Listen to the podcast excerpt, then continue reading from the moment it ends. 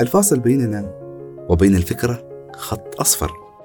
خط أصفر نمشي معه على التوازي حتى نصل لأبعد ما في الفكر وأعمق ما في الإحساس. خط أصفر على جانب الطريق مثلا يحمينا من الخروج عن جادة الطريق أو بكل بساطة هو الشيء الوحيد اللي لازم نركز عليه ونحن نستمع للبودكاست. كثيرة هي الخطوط اللي نتوقف عندها ودائما نسمع إنه في خطوط حمراء لازم ما نتجاوزها. الخط الأصفر عكس ذلك تماما. هو ممتد ليوجه بوصلة الأفكار والأحاسيس إلى الطريق الصحيح. ونحن أبدا ما بحاجة لأن نقطع الخطوط أو نتجاوزها. تماما كما يخبرنا الخط الأصفر. يكفي أن نمضي مع الأشياء بالتوازي. وتبارك الذي خلق الوجود موازيا للكائنات. السلام عليكم. دعونا نبدأ من الصفحات الأخيرة في رواية مكيت القاهرة. الرواية التي كادت تفوز بالبوكر لولا أن سببا ما حال بينها وبين ذلك. ربما يكون هذا السبب أن الرواية ليست مجرد رواية بل هي رواية وكتاب فلسفة وتأمل. سفر بين الأزمان والأماكن المتداخلة في بعضها. تخيل أن كاتبا ما وبجنون يخلق داخل المكان مكان وهذا ربما ما يفعله الكتاب أصلا. يخلقون داخل المكان مكانا. يفتح أحدهم نافذة غرفته في نص يكتبه عند منتصف الليل فيقول إن خلف غرفته مدينة واسعة وأن غرفته معلقة في السماء. لذا ما ان يخطو عابرا عتبة النافذه حتى يهوي في فضاء فسيح يقول عنه ذات الكاتب أنه خارج نطاق الزمان لذا تبدو لحظة السقوط كلمح البصر أو كدهر طويل وفي انعدام الزمان تتساوى كل هذه الأوصاف للوقت. عموما وحتى لا أخرج عن موضوع الحلقة كثيرا دعوني أقرأ من رواية مكيت القاهرة الجزء التالي.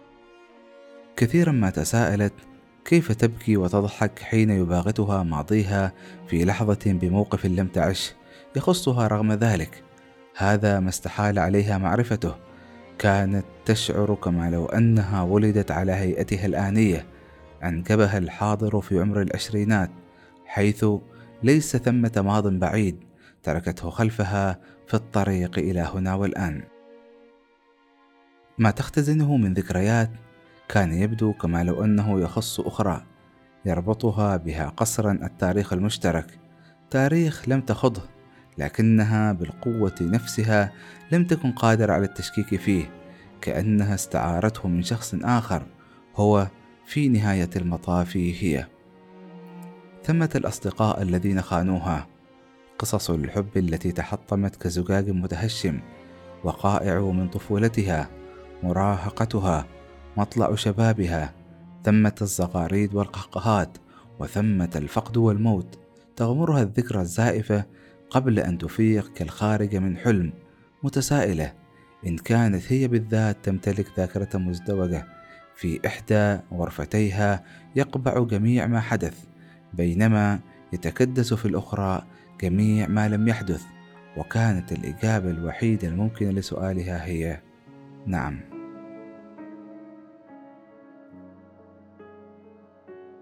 هل سألت نفسك عن ذاكرتك المخزونة في سحابة ما داخل رأسك أو فوقه؟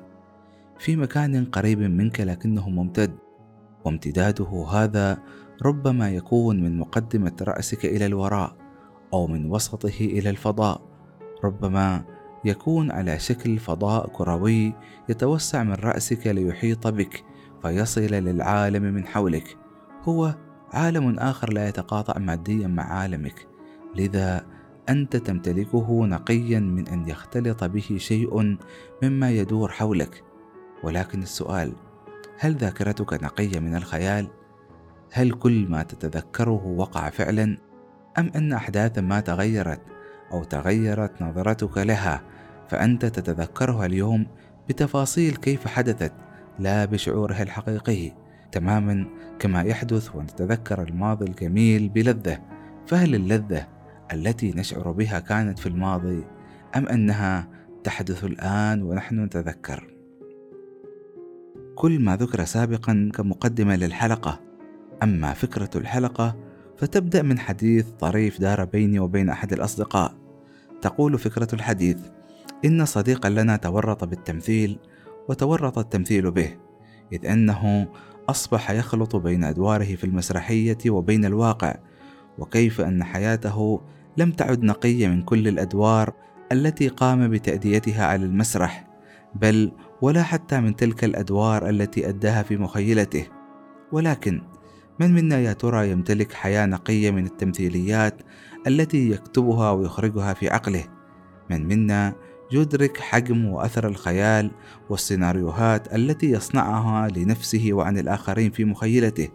تخيل أن جزءا كبيرا من حياتك نتيجة لتلك التخيلات التي تصنع لك قناعات وأن تلك القناعات التي تتوصل لها نتيجة تخيلات هي في النهاية من يقود مسار حياتك. على كل حال سأترك لك المجال لتراجع كل تمثيلياتك التي عشتها في خيالك لكن دعني أكمل لك موضوع الحلقة. فإذا كانت صور الخيال قد تنعكس على واقعك الذي تعيش. فكيف بصور الواقع؟ صور المشاهد الملتقطة بالعين المجردة والتي لن تنساها أبدا. فكيف بصورة موثقة بالكاميرا ستبقى لسنين طويلة؟ كيف بصورة مؤلمة تغير حياة ملتقطها إلى الأبد؟ حتى أنه ربما لن ينجو منها بل ستبقى تطارده لباقي أيام حياته. فكيف بمن عاش في وسط المشاهد المؤلمة حتى أصبحنا نظن أنها ما عادت تؤثر فيه لكنها في الحقيقة تؤثر فيه للحد الذي لا يتفاعل معها إذ أنها أصبحت من روتين حياته غير أنه وبلا شك يدفع ضريبة رسوخها في مخيلته وهذا ما يتضح جليا في حياة المصور الصحفي مثلا.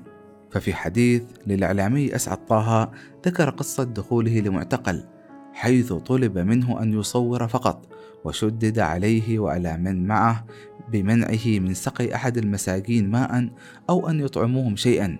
يحكي هو كيف أن ألم العجز عن مد يد المساعدة لاحقه لسنين طويلة فصور الضعف والوهن في المساجين بقيت راسخة في مخيلته وبقي شعور من نوع الثقل والحسرة في قلبه.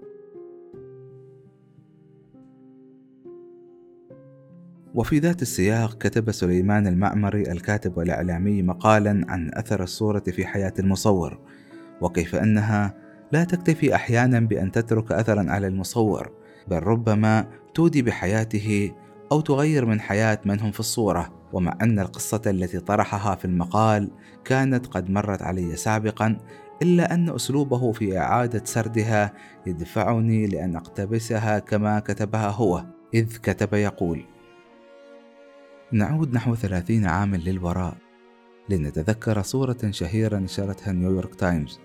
تصور طفلا في قرية أيود بجنوب السودان شبه يحتضر وهو لا يزال يقاوم الموت محاولا الحبو تجاه مركز المعونات الغذائية بينما يقف بالقرب منه نسر يراقبه باهتمام تأهبا للانقضاض عليه.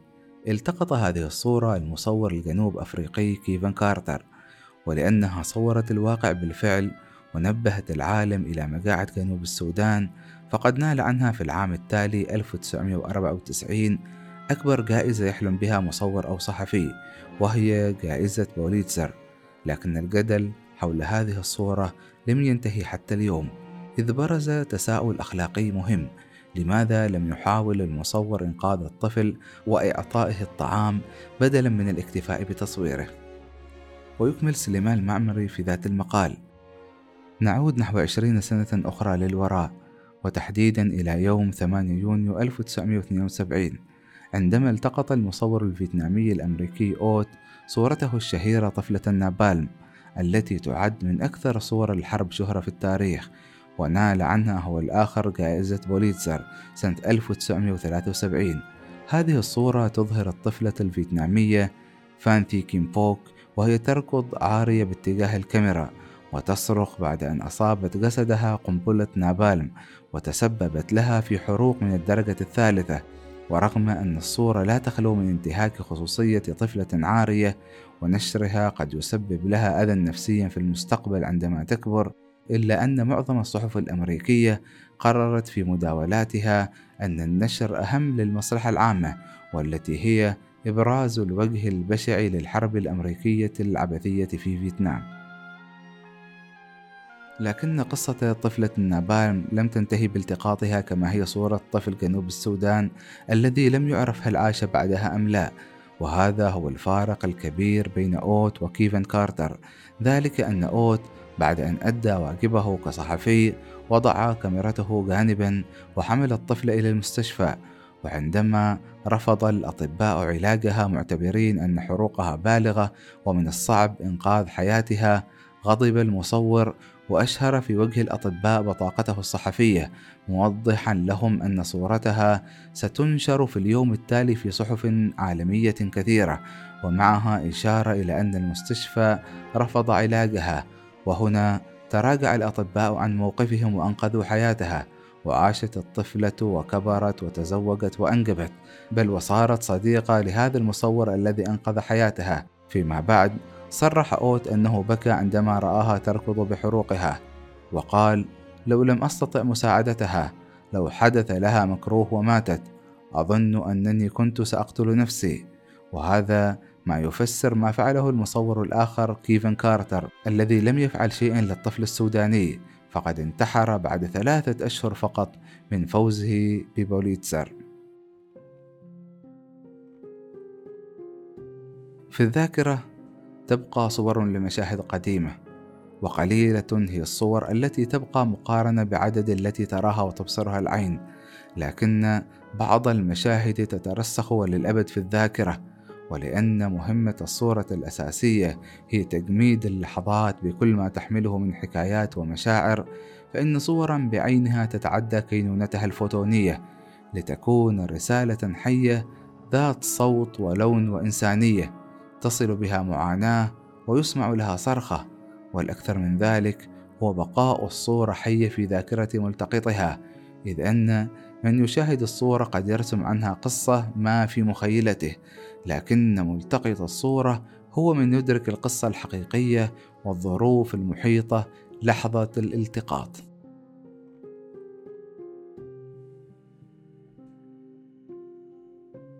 عودة مرة أخرى إلى أسعد طه وبالتحديد لكتابه يحكى أن حيث كتب في موضوع أثر الصورة أو ربما بمعنى أشمل أثر المهنة كتب أقسم أن المشاهد ما تزال أمام عيني. الطفل يجلس فوق سريره في مستشفاه. يداه وقدماه تلفها الأربطة وهو في حالة ذهول بعد أن فقد كامل عائلته في أثناء الحرب أمام عينيه وأنقذ هو الرجل يحتضر أمامك وأنت لا تجد سوى العدسة تسجل اللحظة. فتاة من جروحة مكلومة تحكي لك باكية كيف اغتصبت من جارها في أثناء الحرب. ثكلى تخرج من دولاب غرفتها قمصان زوجها وأولادها القتلى. تشم رائحتهم قبل أن تبدأ يومها وتتناول قهوة الصباح. ناهيك عن المشاهد الجماعية. الأسرى واللاجئون. المصابون والأيتام والهاربون من نار الحروب والجوعى في البلاد المحاصرة هل تسلم روحك بعد هذه المشاهد؟ وهل تعتقد أنك نجوت؟ وهل يقتنع السائل أن هذه المواقف هي الأصعب عن تلك التي واجهت فيها الرصاصة والقذيفة خاصة وهو يريد أن يسمع منك قصة تفاخر فيها ببطولتك حين كنت أعمل وأسافر وأصور لم أكن مهموما إلا بتوثيق اللحظة وكنت أظن أن هذه اللحظة ستنتهي بنهاية العمل ولم أعتقد أبدا أنني سأحملها معي في حياتي. لحظة فوق لحظة فوق لحظة نثير ألف سؤال وسؤال عن الحياة وحكمتها عن مراد الله منا عن العلاقة بين الإنسان والشيطان. من يغوي من؟ من لديه تلك القدرة الهائلة على الظلم؟ كيف تستمتع بذبح رفيقك أو جارك في حرب أهلية ثم تعود لتغازل امرأتك أو تداعب طفلك عزيز السائل هل تعتقد أن الرصاصة هي أصعب ما يمكن أن يواجه الصحفي؟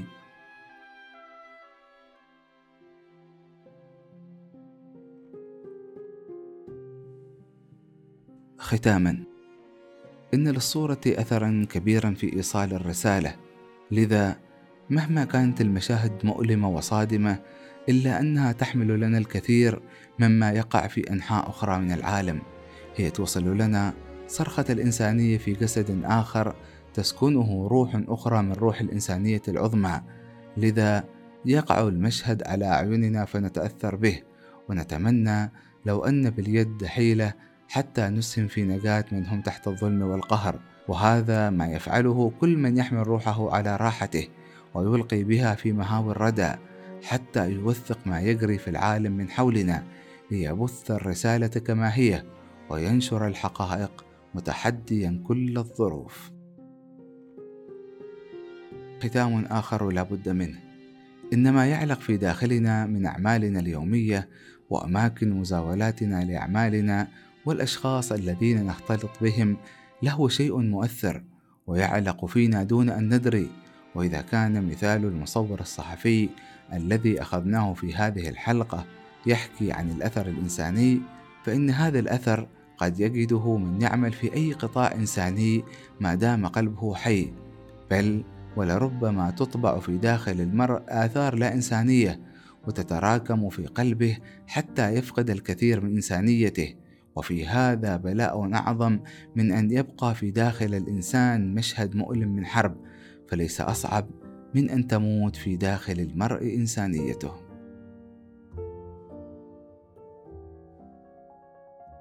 كانت هذه الحلقة الثانية والعشرين من بودكاست خط أصفر وما زلنا نحن وإياكم نمشي بالتوازي مع الخط الأصفر حتى نصل لأبعد ما في الفكر وأعمق ما في الإحساس.